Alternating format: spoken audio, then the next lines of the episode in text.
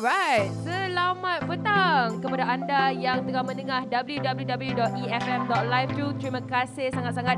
Ini merupakan stesen khas for entrepreneurs by entrepreneurs. Dan sekarang uh, Zoe bersama dengan Kak Haslinda Ahmad ataupun Kak Long. Assalamualaikum Kak Long. Assalamualaikum. Ah, daripada Coffee Periuk Tanah Langkawi. Ya, saya. Okey Kak, boleh tak cerita sedikit uh, Coffee Periuk Tanah Langkawi ni sebenarnya uh, bisnes apa? Uh, Okey, uh, terima kasih uh, Zoe daripada EFM dan juga uh, daripada pihak JAM sudi menjemput untuk sesi sembang-sembang kan, sembang-sembang santai. Okey, uh, kopi Perut Tanah ni sebenarnya adalah warisan daripada Langkawi, daripada bidan kampung Tok Cik Cik Mu. Uh, Cik, uh, Cik Cik Mu adalah Tok Kak Long lah. So maksudnya uh, kalau dulu kita panggil mula-mula sekali adalah ubat periuk tanah. Okey. Uh, sekarang ni bila kita upgrade, kita komersialkan supaya bila uh, kita nak kongsi segala khasiat dia tu dengan semua wanita-wanita lah. Uh, khas untuk kesihatan wanita, dalaman wanita, penjagaan rahim wanita. Okay. Untuk memang khas untuk wanita sahaja. Kalau lelaki nak cuba juga produk ni boleh ke? Uh, tak ada khas untuk wanita sahaja. Ah, so sekotak uh, kopi periuk tanak ni jual di mana berapa harga dia boleh tak cerita sikit? Uh, Okey, untuk orang Langkawi boleh dapatkan produk kopi pertanak ni di kita punya HQ dekat Langkawi Parade tingkat 3 dan kita juga ada banyak ejen-ejen dengan stokis uh, dekat seluruh satu Malaysia lah. Uh, harga sekota RM69. Sekarang kita promosi uh, RM60 sahaja untuk sekota. Wow. Ya. Promosi sampai bila tu? Uh, sehingga ke diumumkan tak promosi Ay, lagi. Yalah. Okey. okey okey. So ke saya nak tanya kenapa Kak Long uh, membuat keputusan untuk uh, commercializekan kopi periuk tanak ni? Okey. Kita nak kalau boleh kalau macam dekat Indonesia terkenangan jamu dia. Jadi kalau dekat Malaysia especially dekat Langkawi kita nak warisan yang cara orang tua-tua dulu-dulu, wanita-wanita dulu, mak-mak, tok-tok nenek kita dulu-dulu ni, cara dia menjaga kesihatan dalaman dia tu sebenarnya dikekalkan, diwarisi dan dan boleh dirasai oleh golongan muda-muda sekarang ni. Hmm. Uh, cuma kalau dulu ubat kopi fruit tanah ni sebenarnya kopi yang mempunyai uh, herba rempah ratus akak kayu dekat dalam dia. Cuma bila kita komersialkan, kita letakkan sedikit perasa kopi arabica untuk sedapkan rasa dia lah. Uh, kalau uh, secara yang tradisional dulu-dulu ni macam tok tok cik cik buat ni memang rasa dengan pahit dengan bau dia semua so kita tak boleh nak minum. Jadi kita komersialkan, kita upgrade kan supaya dia rasa sedap tapi khasiat dia tetap sama juga. Uh, mudah lebih mudah untuk diminum. Uh, uh, gitu. So kita nak tahu uh, masa mula-mula Kak Long uh, decide nak commercialkan produk ni, ada tak apa-apa dugaan ke atau proses macam wah susah lah nak um, nak buat bisnes ni? Ada tak fikiran macam tu? Okey, uh, masa uh, Tok Cik Cik ni masih ada, hmm. uh, kita memang berbincang dengan Tok so kita memang rasa excited nak buat. Okey, uh, macam kata ngantuk kata sekarang ni sebab dulu orang mai duk tanya di rumah. Duk mai bila ada orang dalam pantang dia especially kalau orang tu dalam pantang lepas bersalin sebab dia nak merawat balik rahim dia so dia nak macam uh, nak firmkan balik body dia balik semula untuk angin darah sangat sesuai kan. Jadi untuk period dia balik untuk hormon badan stabil balik semua. Jadi orang duk mai ambil di rumah uh, hanya orang tertentu yang kenal sahaja. Jadi saya sayang bila warisan tu maksudnya uh, ramuan tu sebenarnya hanya orang Langkawi saja yang tahu. Itu pun setengah-setengah orang saja yang tahu kan yang kenal lah dengan tu. Jadi kita nak kalau boleh uh, khasiat dia ni warisan ni kita nak semua wanita satu dunia kalau boleh uh, rasa khasiat dia. Sebab sayang warisan ni kalau kalau kita tak komersialkan memang akan berakhir macam tu saja. Uh, dan kalau Kak Long sendiri nak jual secara tradisional dulu-dulu, memang confirm orang macam kita tak minum. Ah. Uh, sebab dia memang pahit dengan bau lagi semua dan susah untuk kita nak sediakan benda tu. Uh, okay. Dan okay. kenapa Kak Long uh, buat keputusan untuk masukkan kopi? Jadikan uh, uh, warisan ni sebagai satu uh, produk kopi. Okey. Uh, masa mula kita uh, hantar ke KKM, kita hantar yang original dulu. Okey, jadi uh, bila kita nak uh, dengan KKM tu, KKM tak lepas perkataan ubat tadi ni. Sebab ubat tadi dia uh, dia lebih kepada um, uh, farmasi punya akta. Okay. Jadi kita letakkan sedikit perasa kopi Arabica untuk sedapkan rasa dia. Jadi kita letaklah nama kopi Pertanak dah lepas dengan KKM lah. So jadi kalau orang uh, wanita-wanita di luar sana hmm. sebenarnya jadi tak perlu nak rasa ragu-ragu atau was-was. Kita memang berdaftar, kita nak buat produk ni memang kita cari kilang yang OEM yang bertaraf GMP, yang ada sijil halal, sijil mesti semua dan juga kita nak yang ada lulusan dengan KKM. Tak ada chemical langsung dalam ni. Alhamdulillah. Dia memang all natural lah. Ya, no natural. Cuma kita nak um, rasa sedap tapi berhasiat. Okey. Ah. Macam Kak Long cerita tadi masa Kak Long nak uh, commercializekan produk ni uh-huh. hanya orang Langkawi je yang kenal produk ni kan? Yeah. So macam mana uh, strategi Kak Long untuk memasarkan produk ni pastikan uh, wanita di luar kawasan Langkawi pun kenal hmm. produk uh, kopi periuk tanah Langkawi. Uh, Okey. Uh, mula sekali lepas di kita pasarkan uh, dah, dah, dah, dah siap semua. Masa kita nak buat marketing tu kita melalui online dan juga offline lah. Kalau dekat Langkawi ni alhamdulillah sambutan yang sangat baik alhamdulillah. Jadi untuk yang luar ni kita memang ada join mana-mana event uh, dan juga cara online lah melalui FB dan juga IG. Okey kalau kita punya pendengar-pendengar nak dapatkan uh, coffee period tanak ni uh, di luar kawasan Langkawi sebab Zoe nampak tadi Zoe buat research sikit yang akak pun jual uh, dekat laman-laman uh, e-web seperti ada web, Shopee. Ya, uh. ada. Kita uh, ada Lazada juga hmm. dalam Lazada. Kita boleh boleh uh, dekat kita punya page uh, kopi period tanak dan juga Cik Ah Cik U. Macam mana proses dia tu masa Kak Long nak uh, mula-mula masuk market uh, lagi-lagi di luar Langkawi? Boleh tak cerita sikit? Okey, uh, masa mula tu kita lebih kenakan secara online lah dengan melalui FB, melalui uh, FB personal sendiri. Lepas tu kita mula buat uh, page. Jadi dari, dari segi itulah kita mula promosi. Dan juga kita ada agent dengan stokis yang berminat, yang dah join sebagai tim uh, kopi perut tanah. Okey. Dan uh, sebab produk ni pun produk kopi. Yeah. Mungkin ada yang tak kenal, mungkin ada yang kenal. So uh-huh. apa sebenarnya yang membezakan kopi uh-huh. pure tanak dengan uh, kopi-kopi yang mungkin sedia ada ataupun kopi, uh, ataupun produk yang mungkin hampir sama dengan uh, produk akak ni? Beza dia adalah kopi perut tanak ni satu minuman kesihatan yang sedap diminum tapi khasiat dia memang khas untuk wanita uh, untuk merawat rahim, uh, untuk uh, lancarkan period, untuk uh, stabilkan hormon balik dalam badan semua. Dan sebenarnya ramuan dia adalah satu ramuan yang asli yang memang daripada uh, bidan kampung daripada dulu-dulu lagi. Uh, untuk uh, yeah. so akak pastikan bila kita cerita pasal kopi period tanak ni untuk pastikan memang kopi ni khas untuk mereka yang lagi-lagi baru lepas bersalin. Lepas bersalin ya yeah, betul. Uh, okey tu memang akak punya strategi pemasaran yeah, lah ada tak akak ada plan nak expand produk kopi period tanak ni? Atau memang akan maintain je uh, market uh, untuk ibu-ibu yang lepas mengandung? Hmm. uh, kita bukan uh, kopi ni sebenarnya bukan khas untuk ibu nak me- baru bersalin hmm. sahaja. Dia juga bagus untuk lancarkan period. Kalau ada masa masalah angin darah dalam badan uh, dan juga kalau masalah senggugut. Hmm. Okey, uh, dia bukanlah ya kita ada banyak testimoni yang kita terima, alhamdulillah ramai yang dah uh, pregnant. Jadi kita memang rasa seronoklah. Hmm. Tapi sebenarnya kita nak tekankan bukan uh, kopi ini untuk bagi uh, wanita-wanita yang teringin nak mengandung tu mengandung, tetapi dia merawat rahim kita dulu. So bila rahim kita elok, cantik, period kita cantik, hormon kita stabil, uh, barulah mudah untuk kita uh, proses untuk pregnant tadi sebenarnya. Hmm. Dia lebih kepada merawat uh, khasiat dia. Yeah. Okey, nak cerita balik pasal modal, uh, bila akak mula-mula plan untuk memasarkan uh, nak commercializekan kopi ni, yeah. macam mana modal dia uh, akak plan? Apa modal untuk uh, buat bisnes okay. ni? Okey, buat masa sekarang ni kita memang pakai uh, kita memang menggunakan modal sendirilah. Ini boleh dikatakan family punya bisnes lah. Uh, Kak Long dengan adik-adik semua. Hmm. Okay, so dalam bisnes sekarang berapa orang yang sebenarnya ada share dalam uh, coffee periuk tanak ni? Uh, share uh, meaning that macam berapa sebenarnya kita nampak kotak je tapi belakang kotak belakang ni kotak. tu uh, yang berniaga tu ada berapa orang? Uh, berapa tenaga yang ka, okay. uh, ka, kalau belakang kotak ni uh, kita kata dalam kotak ni serumah jugalah.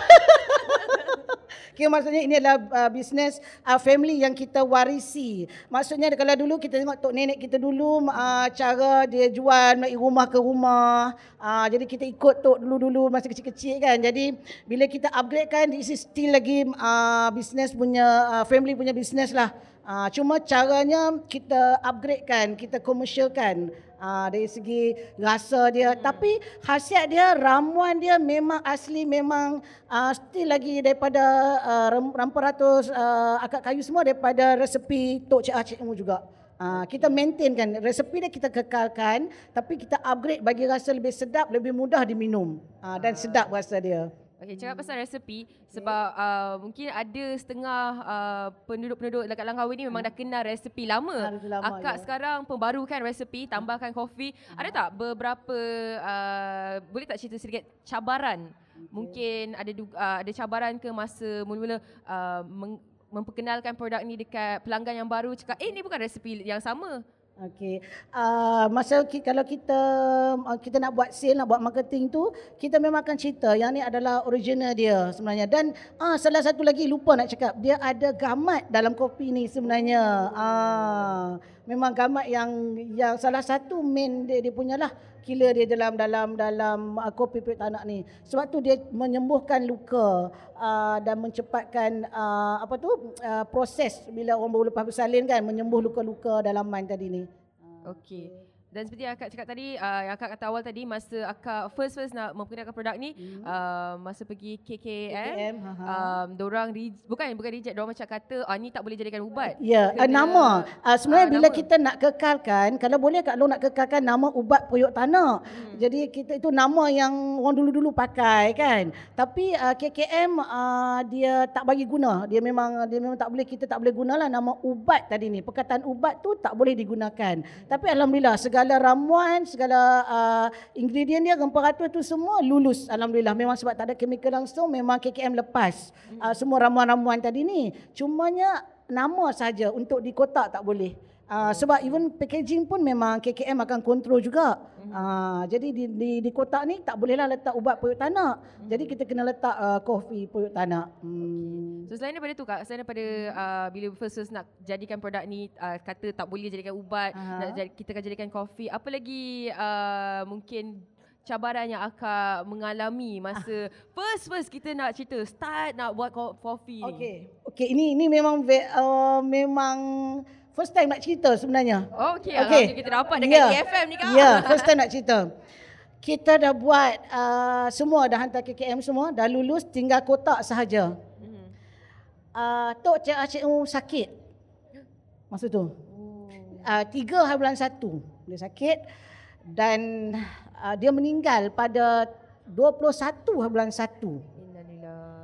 Jadi uh, itulah cabaran paling perik sekali. Kalau boleh kita nak uh, bila ko, uh, produk ni siap, dia orang pertama yang tengok. Tapi uh, yang rasa sedihnya tu itulah cabaran dia sebenarnya. Cabaran tu dalam diri sebenarnya. So macam mana kita punya nak nak ke, mencari kekuatan tu untuk kita teruskan juga. Mm-hmm. Ha, kalau boleh kalau boleh tu kita nak komersialkan tu biarlah dia ada dia tengok semua. Jadi rasa tu kita, kita stop. Tiga bulan sebenarnya kita stop lagi uh, ni. Uh, cuma selepas itulah baru kita say okay fine. Kita memang uh, apa yang dia hajati. Tok Cik Cik ni hajati sebenarnya apa yang dia nak. Dengan izin dia juga dengan ilmu dia dengan resepi dia sebenarnya. So Kak Long teruskan juga buat kopi pek tanak ni. Dan Kak Long memang uh, sangat berhajat untuk uh, memberi semua khasiat ni. Kita nak share dengan semua orang khasiat ni. Kita nak semua wanita rasa khasiat dia warisan daripada Tok Cik Cik yang dia tinggal untuk kita semua. Kita tak nak warisan ni berakhir macam tu saja. So untuk generasi ke generasi yang akan datang sebenarnya. Okay. So ni first time cerita sebenarnya. Oh, kalau ah kalau Zoe tanya betul. Kalau Zoe tanya pasal cabaran tu, cabaran tu dalam diri Kak Long sendiri sebenarnya. Ya betul ah, betul. Sebab kan. kita buat bisnes ni bukan cabaran dari segi duit, dari marketing, yeah. ada juga cabaran-cabaran yang kita personal yang mungkin orang pun tak tahu Ya, yeah. kan. ini first time Kak Long ceritalah ah dengan Zoe kan Alah, secara Terima kasih Kak Long. Kita pun rasa macam nak nangis yeah. Kak Long dengan cerita. Kan dia tahan ni, tahan ni. Ah, okey so Kak Long saya kan. tahu okay. um, bila sebenarnya tarik pelancaran coffee period tanak ni? Uh, official dia? Okay, official dia adalah first Ramadan tahun lepas sebenarnya. Kita mula buat hari pertama Ramadan kita hmm. kita buat uh, kita lancarkan kopi ni. Okey. Jadi kalau nak sambut Ramadan ni genaplah setahun kopi ni lancarkan. Alhamdulillah buat permulaan kita cuma keluarkan dalam seribu kotak. Okey, uh, dalam tiga bulan pertama tu kita repeat macam seribu kotak sebulan-sebulan. Sekarang Alhamdulillah seminggu seribu kotak. Wow. Ya, Alhamdulillah. Kadang pun dah tak mencukupi. Sebab sekarang kat Langkawi banyak event. Jadi kita pun tengah push kilang juga sekarang ni untuk lebih cepatkan lagi kita punya produk. Alhamdulillah, sambutan okay. dia. Bila seorang tu dia dah try, dia kalau dia mesti akan terus continue minum. Sebab khasiat dia sangat bagus. Hmm, hmm. Yang khasiat yang mula sekali, uh, setiap wanita tu akan rasa adalah dia rasa sihat, dia rasa cergas, bertenaga sepanjang hari. Okay. So macam cerita masa uh, supply uh, demand dah ada. Yeah. So permintaan dah ada, yeah. ramai yang suka, ramai yang uh, nak produk ni tapi uh. supply pula yang macam uh, lama ha, sekarang sikit, ya. kurang sikit. So macam mana akan mengharungi uh, dugaan uh, cabaran yang itu pula? Ha, okey. Uh, so sekarang ni dulu kita pernah start dekat hampir seminggu juga sebab kita tiba-tiba seperti dilanda satu satu macam tsunami kopi yang sangat kopi petanak ni memang terus tiba-tiba meletup hmm. macam tu kan. Uh, jadi tapi sekarang kita dah standby dengan kilang so maksudnya setiap minggu kita repeat order seribu seribu seribu. Ah jadi alhamdulillah stok sekarang mencukupi dan uh, memang setiap minggu kita akan uh, ambil daripada kilang lah seribu kotak seribu kotak alhamdulillah. Okay. Sekarang okey dah. Uh, dah stabil lah dia punya kan. Okay. So nak kat senang kata uh, akak punya killer return untuk produk ni memang baik lah. Memang okey. Boleh tak cerita sikit macam dalam peratusan dia agak-agak berapa?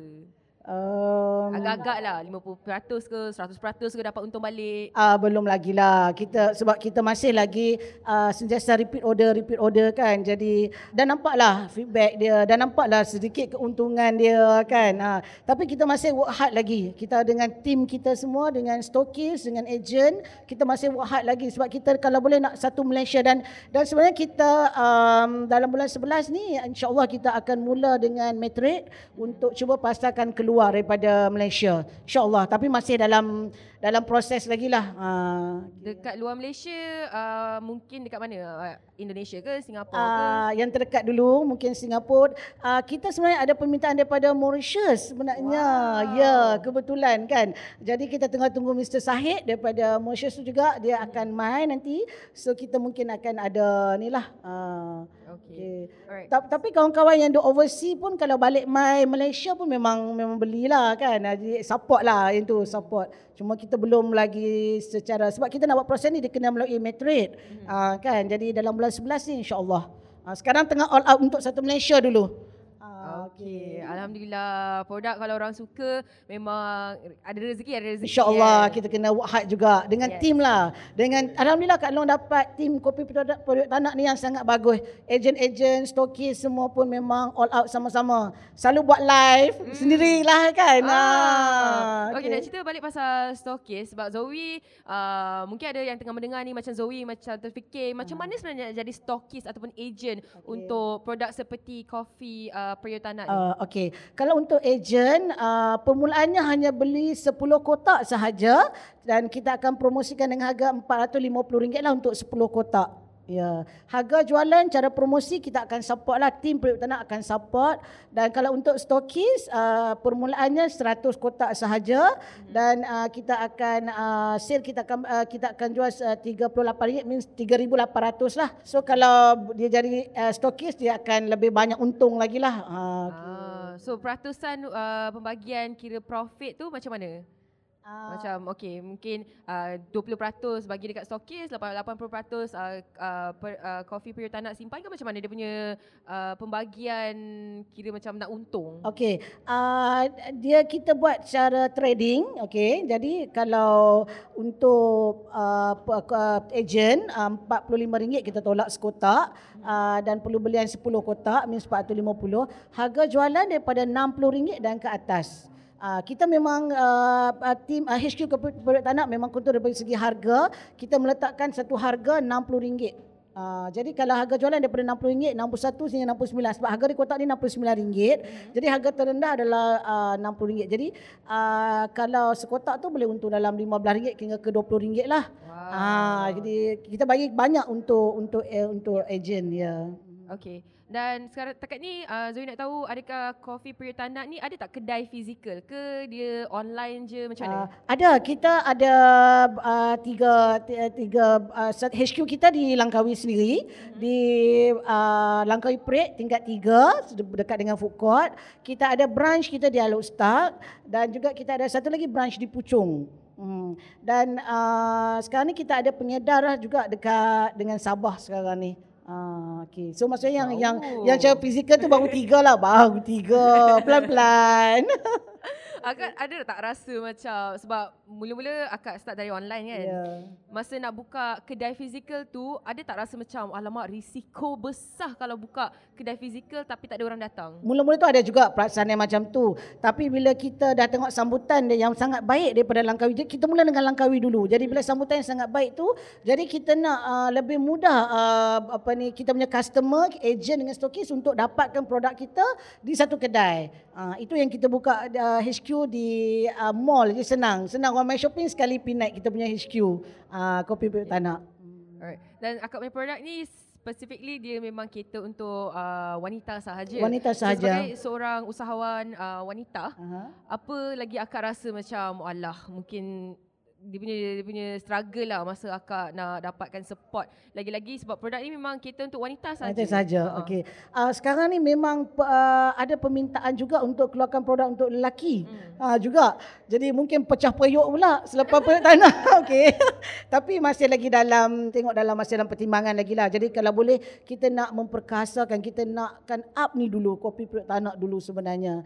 Uh, di HQ kopi periuk tanah juga untuk uh, uh, orang Langkawi sendiri dan juga kalau pelancong-pelancong yang mai, kita Kak Long ada buat uh, treatment khas untuk wanita, uh, treatment dulu-dulu, cara mengurut secara tradisional, kita nak buat bertungku dan bertangas juga.